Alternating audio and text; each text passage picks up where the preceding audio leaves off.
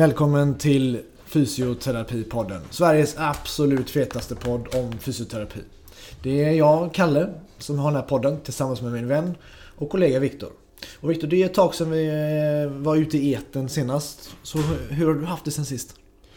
Jo, men det har rullat på. Jag håller ju på att skriva min magisteruppsats nu innan den här eh, demensutbildningen jag går. Det går bra. Det är mycket jag har gått ner i kaninhålet, eh, statistik och det är mycket Chi Square test och, och, liknande. Men det, jag, jag är hoppfull om att jag kommer få ihop något som blir eh, riktigt bra av det faktiskt. Va? Vi skrev ju vår C-uppsats tillsammans en gång för länge sedan och jag, kom, jag tyckte det var ganska roligt. Ja men det var det. Det var skoj skriva. Jag har lite... Alltså, jag har statistikdelen ja. det var ganska roligt. Ja men lite samma känsla nu. Det är det. För intressant och roligt. Så ja. det, och vår, vår, vår C-uppsats blir bra. Vi blir till och med publicerade. Publicerade och betalade. Vi fick vad heter det, arvode för den också. Exakt. Arvoderad. Amen. Det arvodet brände vi på en fest. Det var, det var bra. Det, det, var en bra, bra kurs på den danska kronan då också. Så det, det var det. Hur har du haft det sen sist då? Jo men jag har det bra också. Vi eh, kämpar på inom företagshälsovården. Det är väldigt blandat. Det är ergonomiuppdrag, det är vanliga patienter med smärta och värk. Gör det hälsoundersökningar och håller föreläsningar och så. Så det är, ja, det är roligt. Sen har jag varit en sväng i Kalmar första gången. Eh, haft lite kurs där, hållit en utbildning. Kul att se Kalmar. Vi besökte både barer och restauranger. Eh, bland annat så kom vi och sett ett ställe att skulle serveras, serveras schnitzel en kväll. Eh, så vi körde då från Göteborg när vi skulle eh, till Kalmar. Och så klockan kvart över sju gick vi in på den här schnitzelrestaurangen som var annonserat en vecka före vi har schnitzel ikväll. Tyvärr killar, den är slut. Kvart över sju på kvällen. Ja, det är umbäranden för den kringresande fysioterapeuten. Ja, jag sa ju vi har kört från Göteborg för att äta den här snitsen och så finns det inte när vi kommer hit kvart över sju. så vi reste oss såklart upp och gick därifrån. Ja, självklart. Men idag Kalle, nu var länge sedan vi postade förra avsnittet. Det här som kommer komma nu har varit väl värt att vänta på, tycker det, jag. Det är första gången Fysioterapipodden har med en patient som gäst. Det är det faktiskt. Ja. Och det är ingen mindre än eh, Tobias Hysén. Tidigare elitfotbollsspelare, landslagsspelare. Ja, det ska bli mycket roligt att höra vad, vad han har att säga om, om sin karriär och skador och så vidare. Så vi kommer inte prata mycket om guld och skytteligatopp. Vi pratar om skador såklart. Mm, exakt. Njut helt enkelt. Följ oss på sociala medier. Vi finns där poddar finns. Då hälsar vi Tobias Hysén välkommen till eh, Fysioterapipodden. Välkommen Tobias! Tack så jättemycket! Eh, tänker att Tobias Hysén behöver ingen närmare introduktion nu. Med en elitkarriär inom fotbollen som varade 18 år som aktiv. Blev bland annat 200 matcher med Blåvitt. Skytteligavinnare. Eh, flerfaldig SM-guldmästare. Proffsäventyr i England och Kina. 34 matcher för svenska herrlandslaget i fotboll. Eh, men idag är det inte de härliga, roliga meriterna vi ska prata om bara, utan kasta oss in på andra ämnen. Vad säger du Kalle? Det är ju precis därför vi har fått med dig Tobias. Eh, och jag tänkte börja fråga, våra lyssnare är ju mestadels fysioterapeuter i nuläget. Eh, vad var din första skada på fotbollsplanen? Uff, eh, det är ju en bra fråga faktiskt. Jag kommer inte riktigt ihåg hur det var när jag var liten. Men den skadan som jag kan relatera till fotbollen som kom först, det var väl eh, att jag fick benhinneinflammation. Eh, jag hade det när jag kom upp i A-laget i Häcken och det blev eh, väldigt mycket byte från... På den tiden spelade man på grus under hela försäsongen.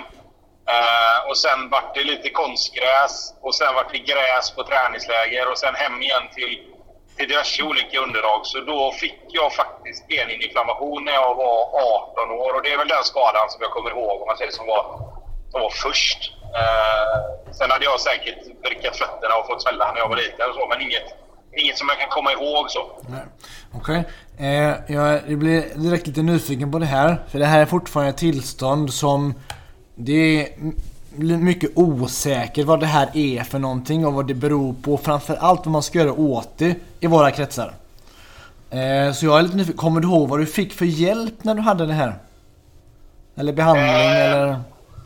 Ja, men alltså jag har ju haft, eh, jag har haft turen då liksom genom min farsa att få eh, hjälp av diverse. Jag har ju haft Leif Svärd rätt, rätt nära till hands, eh, kan man ju säga. Ja. Eh, så, att, så att han hjälpte ju mig till en, till en viss del med, med att få röntgen och sådär, så det inte var stressfrakturer eller, eller något liknande. Utan det, det blev konstaterat och, och diagnostiserat beninflammation. Då. Mm. Eh, och den behandlingen jag fick sen var väl egentligen att jag fick, eh, jag fick vila framför allt. Eh, det var väldigt mycket vila, det var väldigt mycket styrka upp, alltså stärka upp musklerna runt omkring benhinnorna alltså som till exempel vadmuskel. Eh, det, var, alltså, det var rätt mycket tåhävningar, det var rätt mycket stretching, en hel del eh, massage för att eh, vidga liksom, eh, platsen där benhinnorna var egentligen, fattar jag det som att man gjorde, att man lämnade plats på något sätt helt enkelt. Alltså, så, utan att jag fick förklarat för mig att, att när musklerna växer och, och, när skelettet växer så, så är det inte alltid att benhinnorna lägger sig där de ska. Liksom.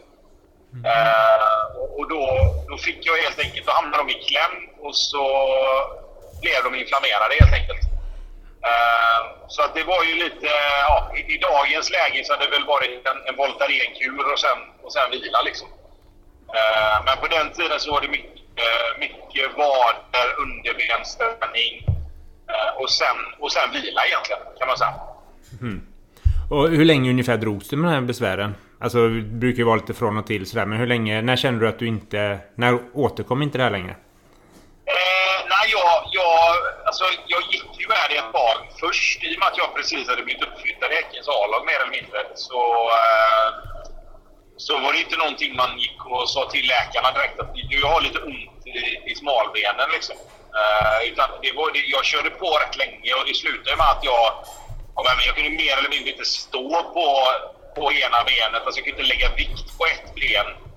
Uh, för sen när jag skiftade vikten över till andra benet så var det som någon stoppade in i kniv i, i, i smalbenet, liksom, mer eller mindre. Mm. Så att jag fick, fick väl till slut alltså, kasta in handduken och, och som sagt, då fick jag hjälp av Leif Svärd. Och han sa väl, vad är det någonting du har framåt sommaren som du vill vara med på? Och då var det Gothia Cup då. Uh, och det här var väl i april någon gång. Mm. Så då sa han bara att, uh, vet du vad, då gör vi så att då, uh, då börjar du träna fotboll igen två veckor innan Gothia Cup. Och så får du ont så backar du bandet igen. Och får du inte ont så kör du på därifrån. Och det var väl typ det upplägget vi hade ihop med rehab då och, och lite massage och, och sådär. Eh, och efter det, sen när jag började där i, i början på juli igen, så, eh, så, så, har jag aldrig fått tillbaka det. Så att, eh, det var väl egentligen, ja, säg att det var i alla fall, ja vad blir det, det blir ju åtta, åtta veckors vila, tio veckors vila i alla fall innan jag gick på och började jogga och, och spela fotboll och liksom sådär. Och sen i alla fall tre månader tills jag klev ut på plan. Sen tror inte jag att det nödvändigtvis behöver ta så lång tid, men det var, det var rekommendationer från han i och med att jag var rätt ung så att jag inte skulle liksom gå sönder och få problem med det här i framtiden också då. Ja, just det. Här, jag tänker det du beskriver där innan, att man inte vill springa hos läkaren det första man gör när man blir uppflyttad och så. Här hade du en press från, från dig själv och om att, liksom, att hålla dig på planen innan. Eh, under din karriär sen, jag tänker, har det varit många situationer där det är där du har känt en press på dig att spela fast du inte känt att det var hundra. Antingen från dig själv eller från tränare eller från fans eller från läkare eller fysio för den delen. Nej, det skulle jag väl egentligen inte säga. Inte mer än att det har varit i samråd i så fall. Alltså, många gånger är det ju en skada. Får man en skada, för min del har det ju mest varit alltså baksida i hamstring som har varit som har varit problem. Så sen har jag haft några inre ledband i knät som har varit lite strul, men jag har fått smällar och så. Men alltså, normalt sett så, så gör du ju alla de här stegen som du som du behöver göra. Liksom. Och, och, som jag sa, jag har ju haft turen dels tidigt då när jag var ung och, och ha Leif Svärd runt mig som, som farsan har kunnat hjälpa till med. Och sen när jag har hamnat i A-laget, dels i Häcken men sen även i Djurgården och, och Blåvitt och, och vad jag än har varit så har det alltid varit top of the top. Alltså både fysioterapeuter, läkare och, och, och sjukgymnaster som, som har tagit hand om mig. Liksom. Uh, så att jag har väl egentligen följt alla de stegen. Sen har det varit någon gång där det har varit viktiga matcher där de har liksom... Ja, egentligen kanske inte ska vara med för nästa vecka, men hur känner du själv liksom? Alltså är du villig att, att ta den chansen och kanske slå upp i och med att vi, vi behöver den här vinsten i den här matchen. Eller vi möter Malmö borta och vi och båda de andra är borta och sådär. Liksom. Och då har jag ju själv liksom fått ta det beslutet att det kan gå åt helvete och det kan gå bra. Mm. Eh, så, så egentligen, nej, jag har inte haft någon press på mig utan snarare att jag själv då har velat liksom, för, för lagets skull kanske gå med så snabbt jag någonsin kan. Liksom. Mm. Ja, det är klart. Nej, för jag blev... Det var bara några veckor sedan jag hörde faktiskt i eh, din podd Tobbe Simon Tern berättade en gång att han inför en, inför en matchförberedande träning där han inte skulle spela matchen hade tagit smärtstillande spruta i foten för att kunna vara med på den efter att ha blivit ombedd av tränaren att vi skulle verkligen behöva det här liksom. Mm. Det tänker jag, där blir jag lite förvånad att det ändå var så pass liksom, tydlig eh, önskemål uppifrån och för... Ja, i det fallet var det inte ens för en match, själva hans prestation där. Men det är inget du känner igen att det liksom har varit eh, vanligt förekommande i din karriär? Så. Nej, det tror jag är väldigt ovanligt. Utan att, utan att veta och, och kunna svära på det liksom, så är det otroligt svårt att tro att det ska vara vanligt att, att tränare eller, eller läkare eller vad som helst vill, vill sätta sprutor för att folk ska kunna träna. Liksom. Nej. Uh, det, det, tror jag i så fall... I så fall är det väl att man, att man sprutar bort smärta uh, för att det inte kan bli värre. Alltså, så att man inte ska missa tid. Liksom. Mm. Men, men, att man skulle spruta, alltså ta en bedövningsspruta för att kunna träna om det inte är aktuellt att spela match. Då, det har jag aldrig hört förut. Så det, det, det tror jag är väldigt ovanligt. Det låter väldigt, väldigt sunt måste jag säga. Eh, vilken är, du pratade lite om hamstring och du pratade lite om knä, inre ledband. Vilken är den allvarligaste skada som du har fått på, från fotbollen? Eh, ja, men det är väl... Eh, ja, jag hade en, en eh, inre... Eller det var väl egentligen yttre ledband mer som, som var i knät som var funktionellt av då. Eh, och det, det, det, vet ju ni säkert vad det är, men jag vet inte om alla som lyssnar vet. Men det är ju typ att... Alltså, rent, I fotbollstermer så är det av liksom.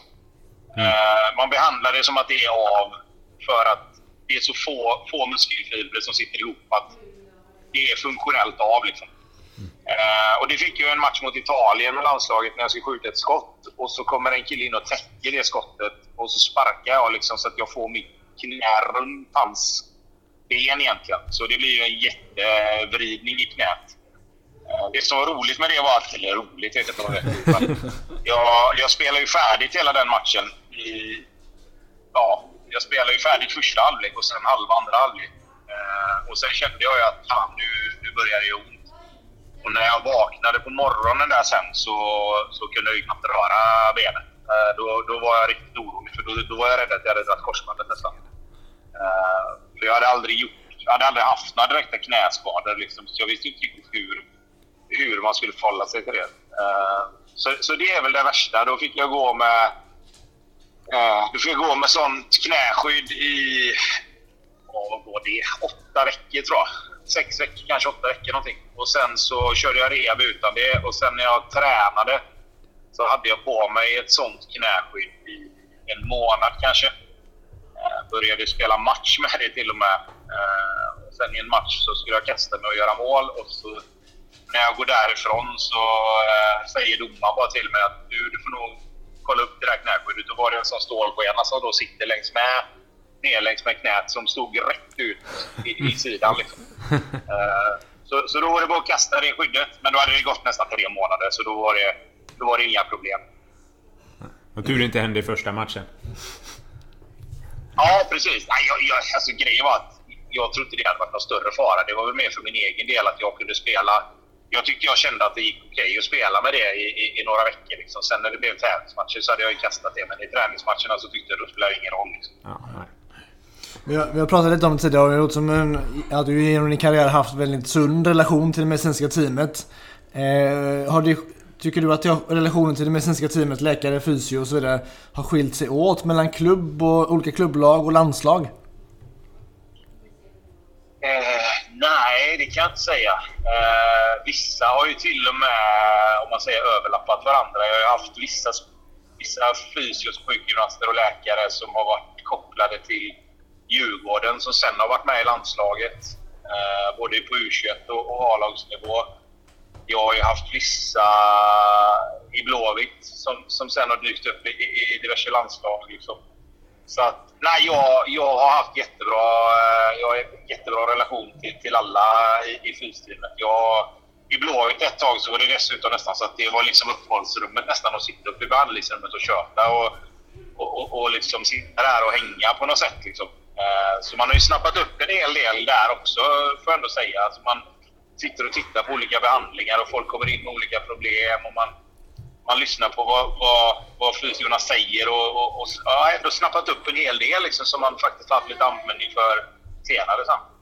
Ja, precis. Vi kommer in på det sen. Men jag tänkte apropå det du sa att det var lite uppehållsrum sådär. Att hur, liksom, hur stor roll har fysion under en skadeperiod för att... Men förutom den rena medicinska behandlingen, övningar och behandlingar och sådär. Alltså så för att hålla humöret uppe. För att vara den där alltså goa gubben som ser till att man håller sig på gott humör under tiden man är från planen och så. Är det liksom... Är det en viktig del av, av ja, fysioterapi? Jag skulle säga... Ja, absolut. Det skulle jag säga. Uh, jag, jag, kan inte... Alltså nu är så här, jag, min, min längsta period alltså där jag har suttit i gym och kört rehab, är ju egentligen sex veckor. Alltså sex, sju veckor. Eh, där jag liksom har, har varit tvungen att och bara vara i gymmet. Liksom. Alltså, dels har det varit lite ledighet däremellan och sen dels har ju skadorna varit sådana att jag har kunnat gå ut på plan rätt fort. Jag har inte behövt vara i gymmet i så jäkla lång tid. Utan jag har kunnat komma ut på plan och köra liksom lite passningar och lite löp och liksom, alltså, fått göra lite så.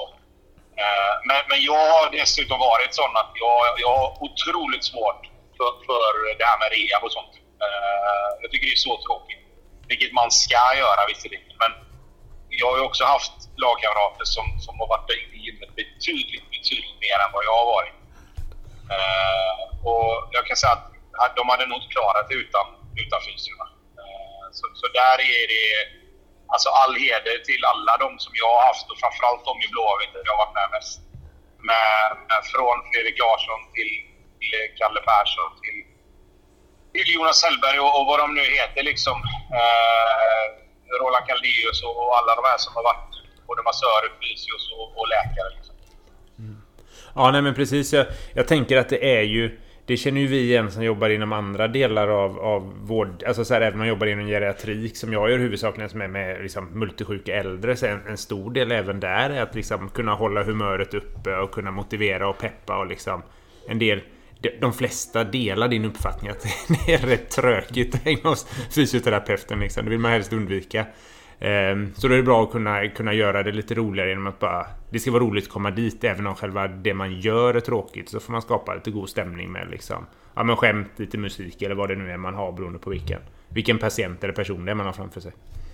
Ja men det tror jag, det tror jag är, är helt rätt inställning också. Att, att man vet det liksom. För det är klart att det är ingen som vill vara om man säger skadad, om vi håller oss till, till sporten, då är det ingen som vill vara skadad. Liksom.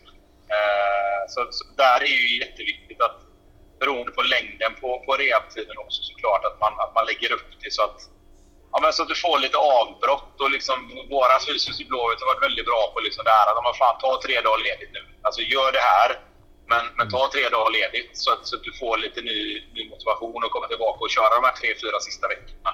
Mm. Så du kan köra dem ordentligt liksom. Eh, så, så det tycker jag, alltså jag är full av, eh, full av respekt och, och beundran för vårt fysioteam som vi har haft i Blåvitt i alla år verkligen.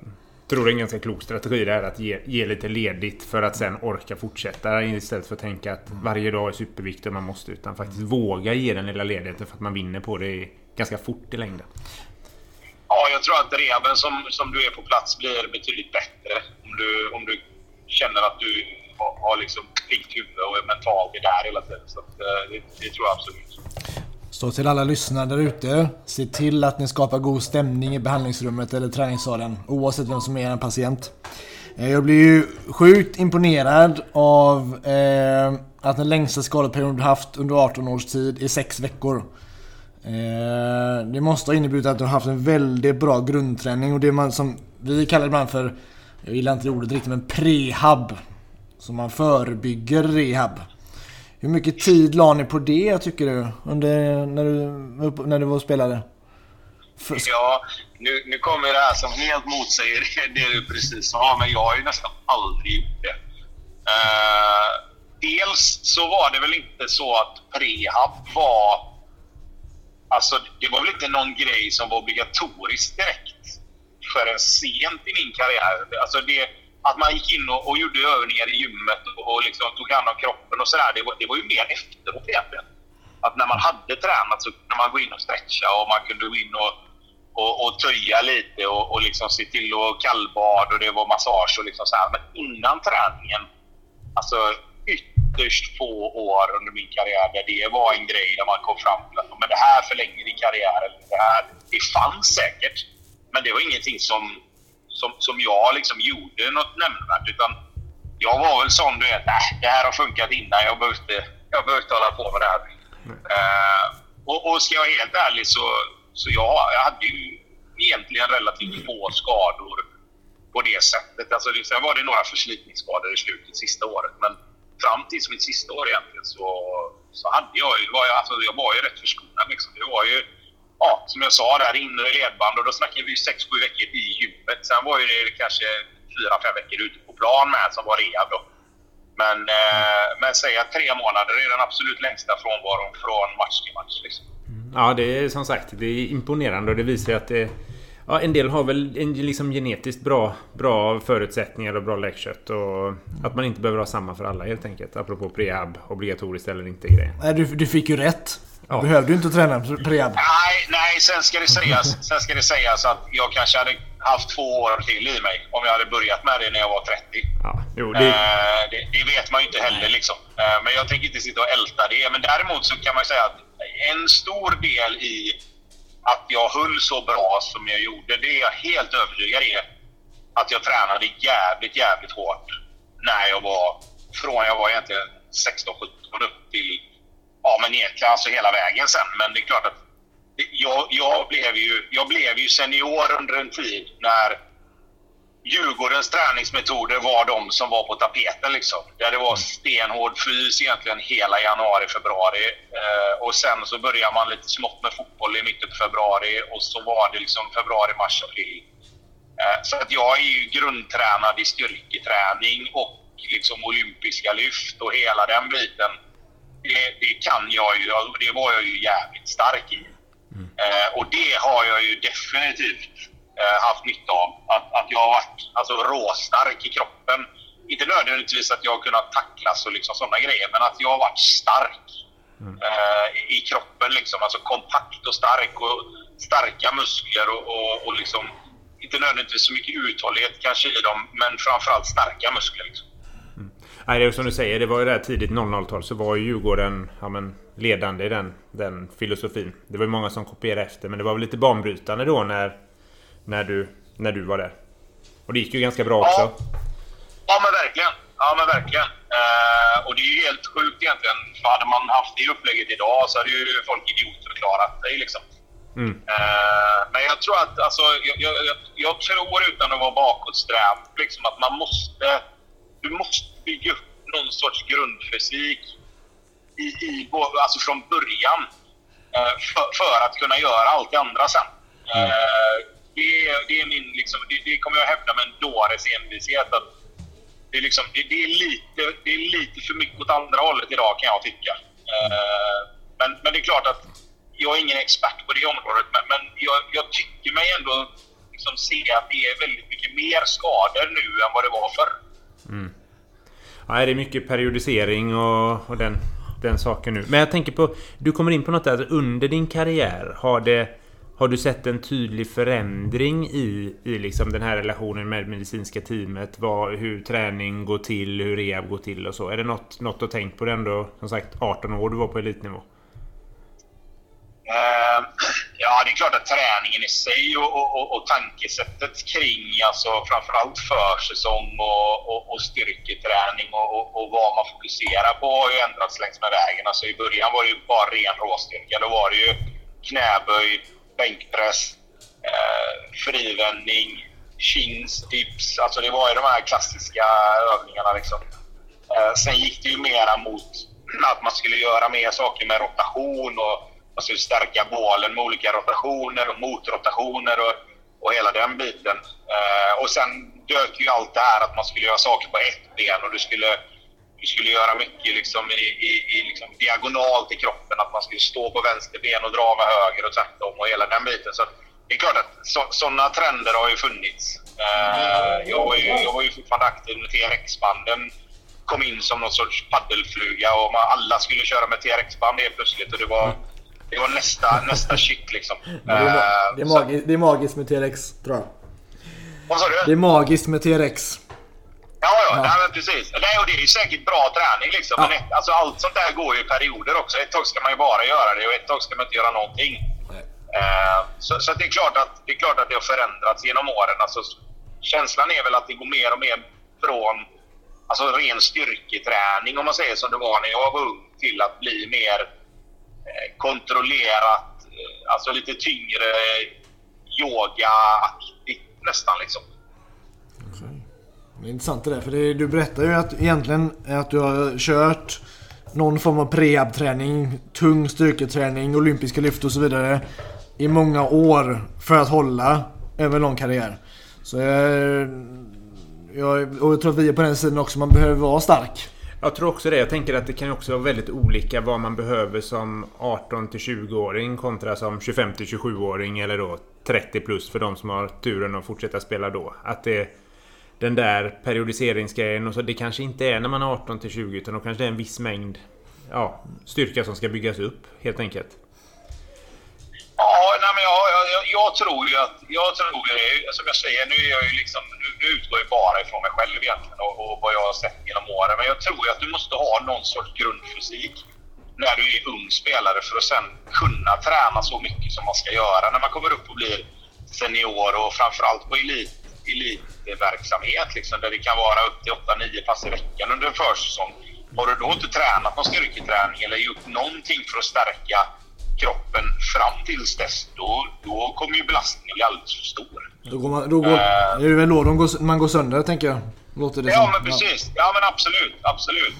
Uh, sen ser inte jag att man ska skicka in 16-17-åringar och gå i gymmet fyra gånger i veckan. För det, det tror jag kanske inte heller är rätt väg att gå nu för tiden.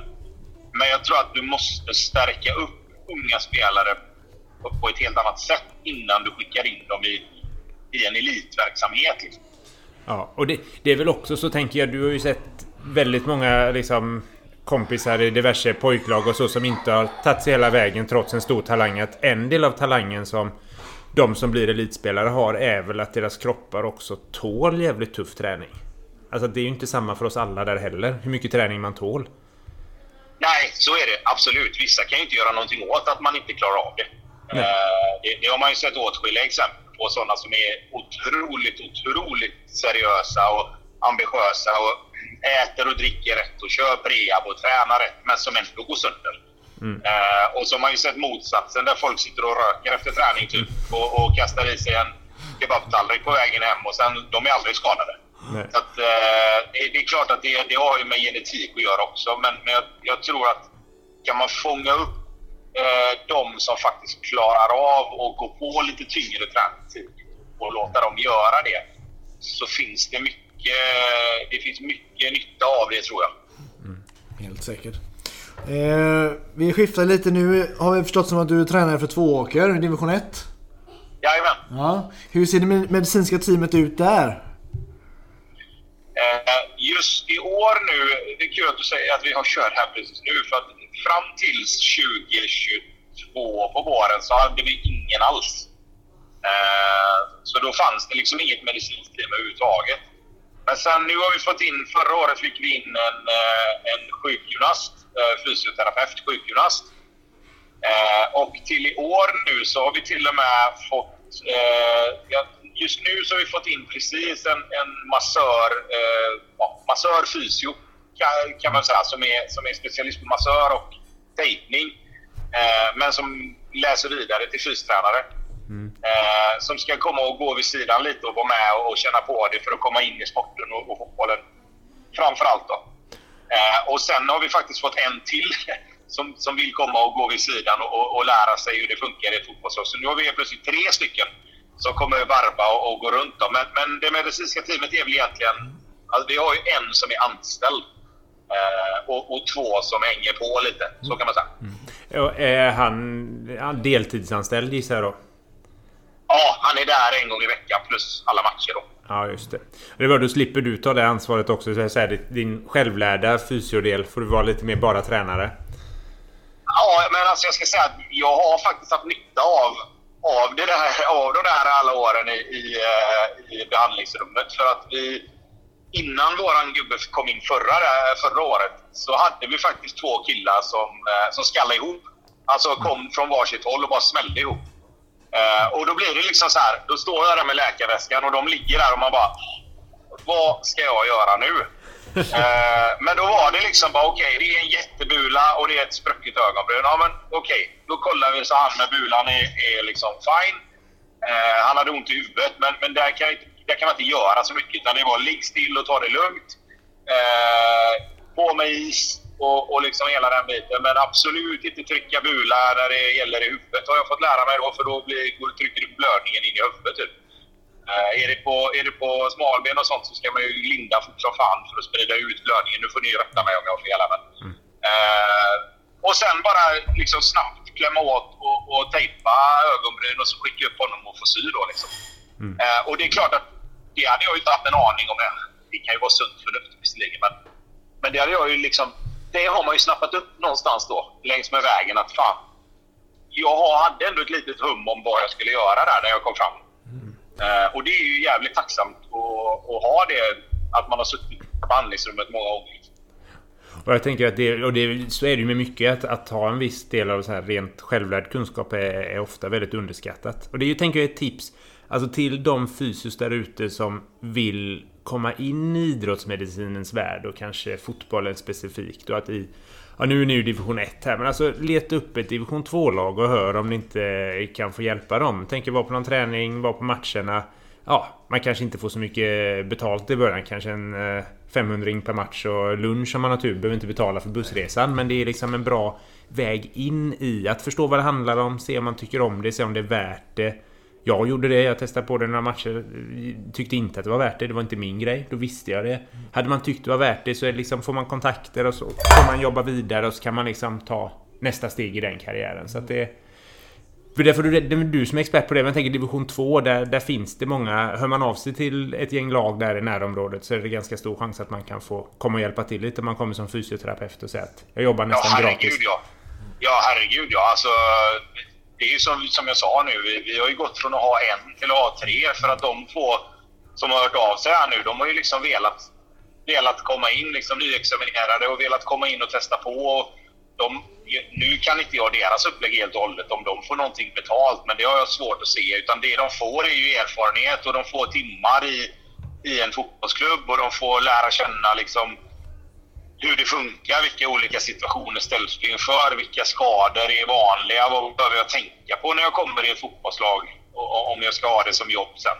Mm. Eh, så, så det, är, det är väl alltså, man kan väl kalla det som, ja, det blir någon sorts praktik fast efter skolan är slut på något sätt. Ja. Precis. Och så lite typ starten på en jävligt lång anställningsintervju. Jag tänker att den där tjänsten sen i Blåvitt eller Häcken eller Malmö FF eller sådär. De lägger inte ut på, på via Arbetsförmedlingen och säger att de söker en fysio. Utan det är den som liksom ryktet inom branschen, elitidrott, elitfotbollsvärlden är ju ändå hyfsat liten. Så att det är liksom via den och kontakter som man tar varje steg uppåt vidare tänker jag. Eh, med jobben. Så att även där är liksom ja, men, första steget. Ja, absolut. Och det, det, det, försöker jag ju liksom, det försöker jag ju säga liksom också. Alltså det gäller ju egentligen alla olika, alla olika liksom roller i en fotbollsförening. Du vet ju aldrig när, alltså som till exempel de här två som, som kommer nu då, liksom, eller han som, som, är, som är anställd. Alltså, du vet ju aldrig när, när någon av oss eller någon av spelarna hamnar på, på ett ställe där, där det helt plötsligt kommer en öppning och har du då en, en, person som du trivs med och som du jobbar ihop med och som,